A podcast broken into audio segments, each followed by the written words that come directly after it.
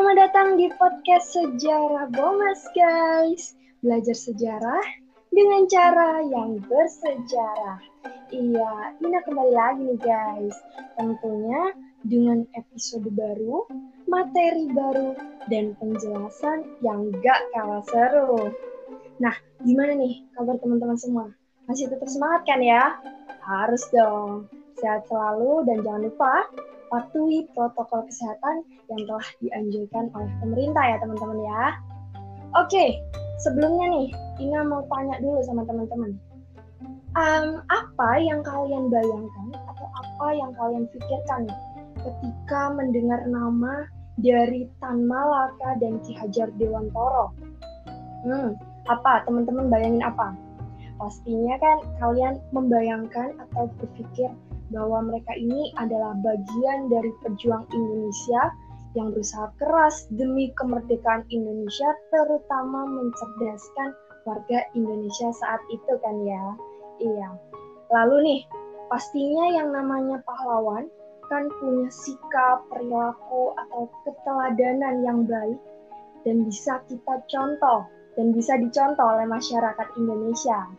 Nah, maka dari itu, episode kita kali ini kita akan membahas tentang keteladanan dari sosok Tan Malaka dan Ki Hajar Dewantoro bagi anak muda, bagi anak milenial kayak kita-kita ini teman-teman.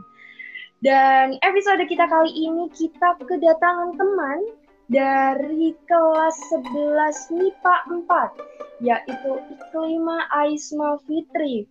Ya, langsung Ina sapa aja. Halo Aisma. Halo Ina. Wah, kembali bergabung lagi nih di podcast Sejarah Bawa masih Aisma ya? Iya. Gimana kabar kamu hari ini? Alhamdulillah baik, sama seperti sebelumnya. Iya, Alhamdulillah. Iya, jadi teman-teman, Aisma ini bergabung dengan kita karena nantinya Aisma mau menjelaskan tentang materi kita kali ini. Dan juga seperti biasa sudah ada guru sejarah Bomas kita yang sudah bergabung sama kita Ina. Halo Pak Al. Iya, halo. Iya Pak, gimana Pak kabarnya hari ini? Alhamdulillah baik. Oke, Alhamdulillah. Nah, karena kita kali ini mau membahas ada dua pejuang atau uh, pahlawan Indonesia yaitu Tan Malaka dan Ki Hajar Dewantoro ini. Nah, Ina mau tanya-tanya nih sama Aisma dulu. Menurut kamu, Aisma, Tan Malaka ini seperti apa sih dan profil dari Tan Malaka ini bagaimana?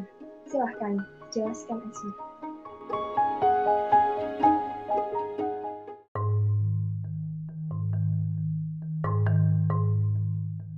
Oke, menurut aku, nama Laka ini sosok pejuang yang sangat penting buat kemerdekaan Indonesia dan juga pendidikan Indonesia. Pasti banyak dari pendengar podcast secara Pomas ini yang belum mengenal dengan sosok Tan Malaka. Jadi hari ini aku akan memperkenalkan seorang Tan Malaka ini. Tan Malaka lahir pada tanggal 2 Juni tahun 1897 di Suliki, Sumatera Barat. Nama aslinya yaitu Sultan Ibrahim Datuk Tan Malaka. Beliau adalah pejuang kemerdekaan yang pertama kali membangun fondasi Indonesia sebagai negara republik. Kendati diangkat sebagai pahlawan nasional oleh Soekarno. Tan Malaka pernah menjabat sebagai Ketua Umum PKI, Wakil Komunis Internasional untuk kawasan Asia Timur, dan Ketua Partai Marba. Sebuah negara secara bisa saja ditutupi oleh pemerintah. Pada masa Orde Baru, yaitu pada zaman Bapak Soeharto, ada satu sosok yang jejaknya sengaja dihapus bahkan dihilangkan dari buku sejarah sekolah. Sosok itu bernama Tan Malaka. Konon, alasannya karena Tan Malaka adalah pejuang anti kiri. Padahal sosok seorang Tan Malaka ini merupakan orang yang sangat penting dalam perkembangan pendidikan di Indonesia. Pendidikan Tan Malaka pada saat tahun 2000, pada tahun 1908, Umurnya sekitar 12 tahun, saat itu beliau didaftarkan ke sekolah Greek School atau sekolah guru negara, atau yang lebih dikenal dengan sekolah raja di Bukit Tinggi. Sekolah itu hanya untuk mereka yang tergolong penting saja yang bisa masuk. Menurut G. Haurensma, salah satu guru di sekolahnya itu termalaka dalam murid dan cerdas meskipun terkadang tidak patuh. Tetapi karena kejeniusannya, G. Haurensma sebagai salah satu gurunya ingin membantunya agar dapat berkuliah di Belanda. Setelah menyelesaikan pendidikan di Sekolah Raja Bukit Tinggi, Termalaka mendapat rekomendasi dari guru Haurensma untuk melanjutkan ke studi bernegara Belanda di Sekolah Greek School atau Sekolah Pendidikan Guru Pemerintah yang berada di Haarlem, Belanda. Di negara penjajah itu, beliau menyerap ideologi yang menjadi titik perjuangannya sampai akhir hayatnya. Selama kuliah, pengetahuannya tentang revolusi mulai muncul dan meningkat setelah membaca buku The French Revolution yang ia dapatkan dari seseorang sebelum keberangkatannya ke Belanda oleh Orensma.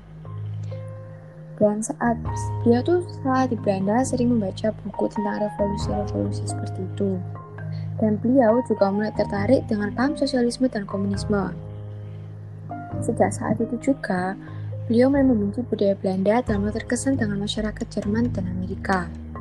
Karena banyaknya pengetahuan yang beliau ketahui tentang Jerman, beliau jadi terobsesi tentang salah satu angkatan perang Jerman. Beliau kemudian mendaftar ke militer Jerman, namun ditolak karena angkatan darat Jerman tidak menerima orang asing.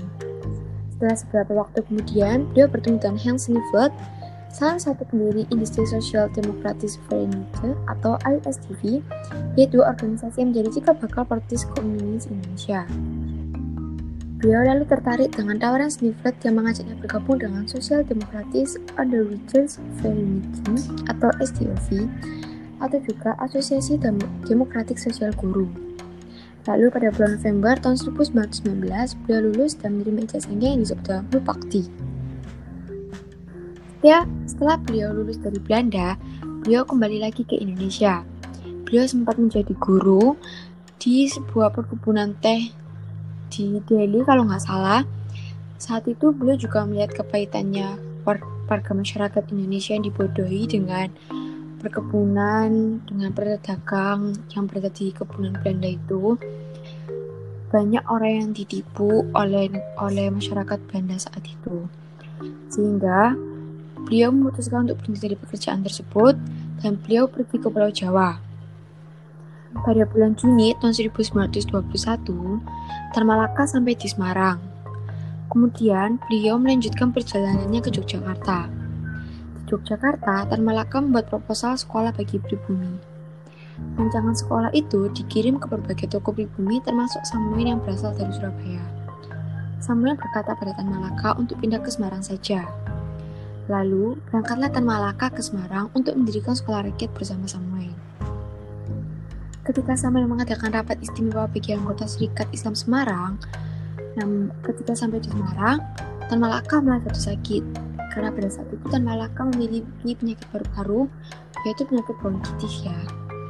Kemudian, dalam rapat ini, Samuel mengusulkan untuk mendirikan sebuah perguruan. Dan usulan ini diterima baik dan pendaftaran murid dimulai pada hari itu juga dan gedung sekolahnya sementara dipakai gedung Syarikat Islam Semarang dalam dua hari muridnya sudah terkumpul sebanyak 50 orang.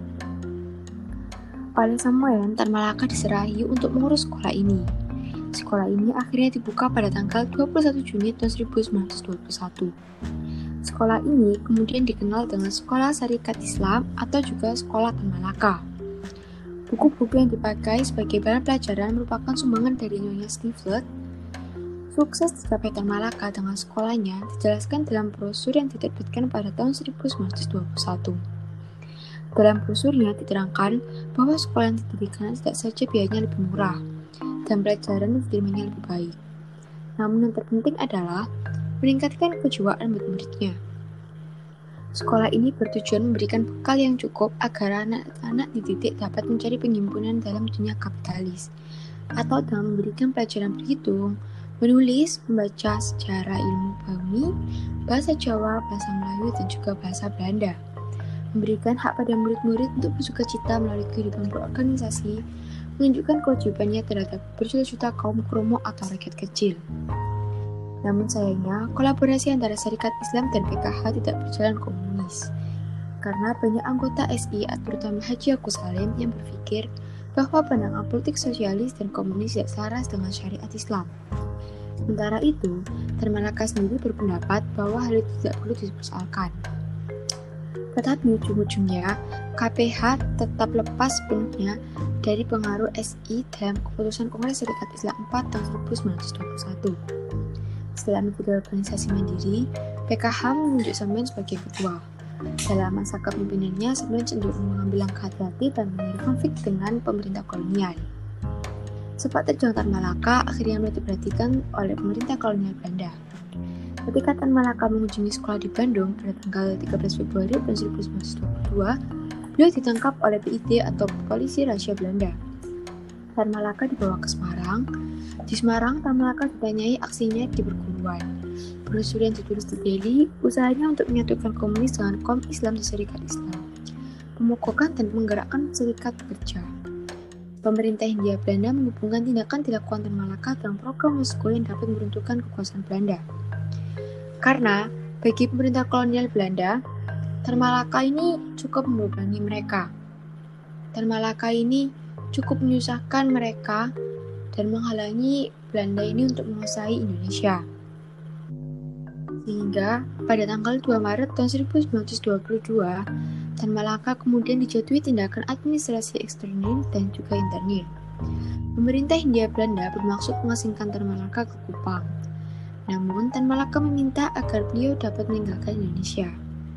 Permintaan ini akhirnya dikabulkan, sehingga pada tanggal 10 Maret tahun 1922, Tan Malaka pergi meninggalkan Indonesia, dan Tan Malaka memutuskan untuk pergi ke Belanda. Dan saat di Belanda inilah pengasingan beliau untuk memerdekakan Indonesia dimulai. Seperti itu tentang Tan Malaka.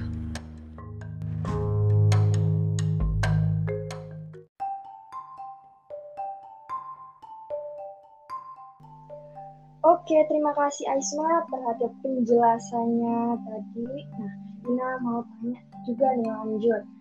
Untuk Ki Hajar Dewantoro, menurut kamu, pahlawan seperti apa sih Ki Hajar Dewantoro ini? Dan mungkin kamu bisa menjelaskan secara ringkas saja.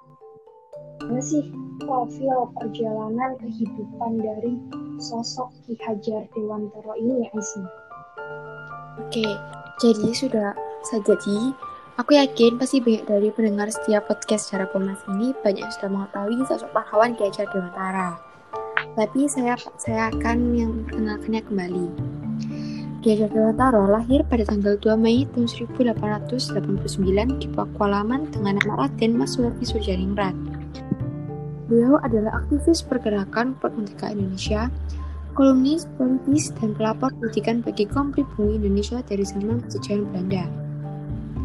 Beliau adalah pendiri perguruan Taman Siswa, suatu lembaga pendidikan yang memberikan kesempatan bagi para pribumi untuk bisa memperoleh hak pendidikan seperti halnya para biayi maupun orang-orang Belanda lainnya.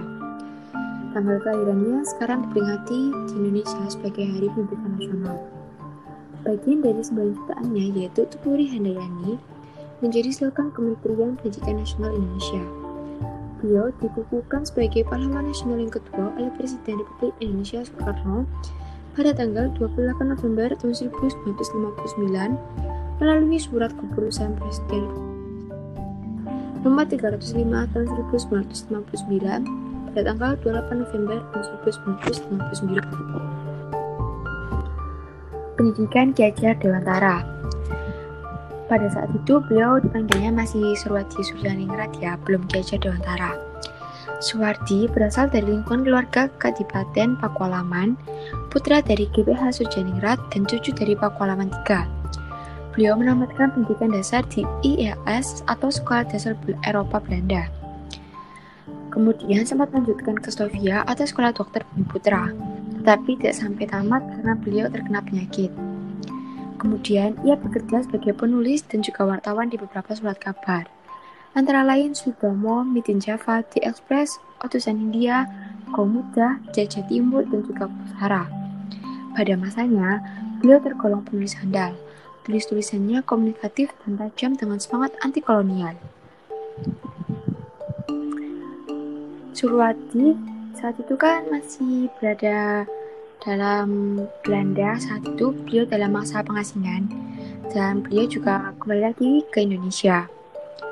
Suwardi kembali ke Indonesia pada bulan September tahun 1919. Segera kemudian ia bergabung dalam sekolah binaan saudaranya. Pengalaman mengajar ini kemudian beliau gunakan untuk mengembangkan konsep mengajar bagi sekolah yang ia dirikan pada tanggal 3 Juli tahun 1922. National Underwich Institute Taman Siswa atau Perguruan Nasional Taman Siswa. Saat itu ia genap berusia 40 tahun. Menurut hitungan penanggalan Jawa ya, beliau mengganti namanya menjadi Ki Hajar Dewantara. Ia tidak lagi menggunakan gelar kebangsawaan di depan namanya. Hal ini dimaksudkan supaya ia dapat bebas dekat dengan rakyat baik secara fisik maupun jiwa.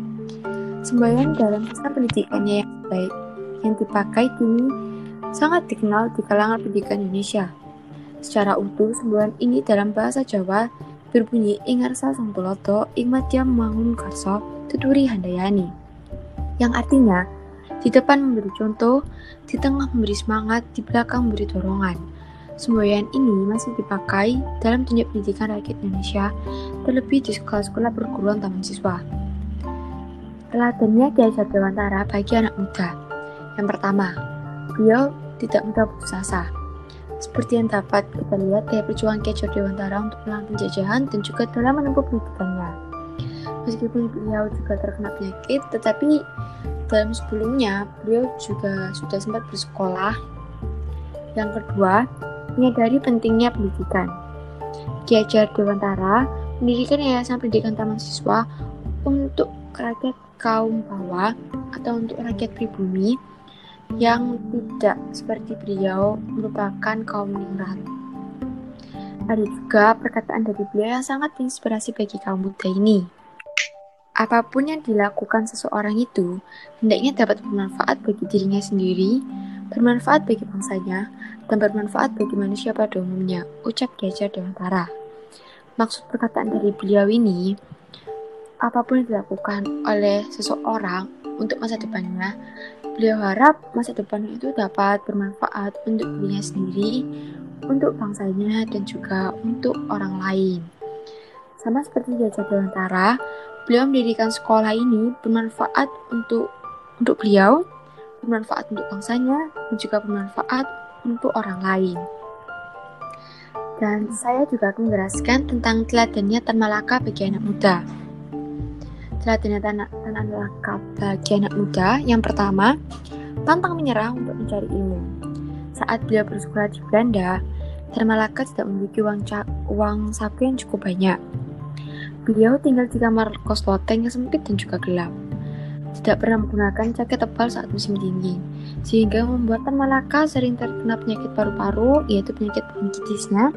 Tetapi beliau tidak, tapi itu semua tidak menghalangi Tan Malaka untuk semangat menuntut ilmu di negeri penjajah tersebut. Yang kedua, semangat untuk memajukan pendidikan di Indonesia untuk anak muda. Tan Malaka sangat ingin memajukan pendidikan di Indonesia bagi anak muda sehingga beliau membuat sekolah yang disebut Sekolah Tan Malaka atau mungkin dikenal dengan Sekolah Syarikat Islam Semarang. Pada saat itu, beliau membuat sekolah dengan biaya yang sangat murah dan pembelajaran ini juga tidak hanya fokus pada bidang akademik saja, tetapi juga mengajarkan pada muridnya untuk saling peduli terutama kepada orang yang tertindas. Ada pula perkataan Tan Malaka yang sangat menginspirasi bagi kaum anak muda. Tujuan pendidikan itu untuk mempertajam kecerdasan, memperkukuh kemauan serta memperhalus perasaan, ucap Tan Malaka. Maksud dari perkataannya yaitu tujuan Tan Malaka ini untuk mempertajam kecerdasan yang dimaksud itu untuk mempertajam kepintaran kita dan untuk memperoleh ilmu bagi kita untuk masa depan kita. Memperkukuh kemauan itu yang dimaksud dengan teguh pendiriannya karena pada saat itu beliau sangat teguh dengan kemerdekaan Indonesia dan memperhalus perasaan seperti berpikir secara logis dan ya berpikir secara logis dengan kecerdasannya. Seperti itu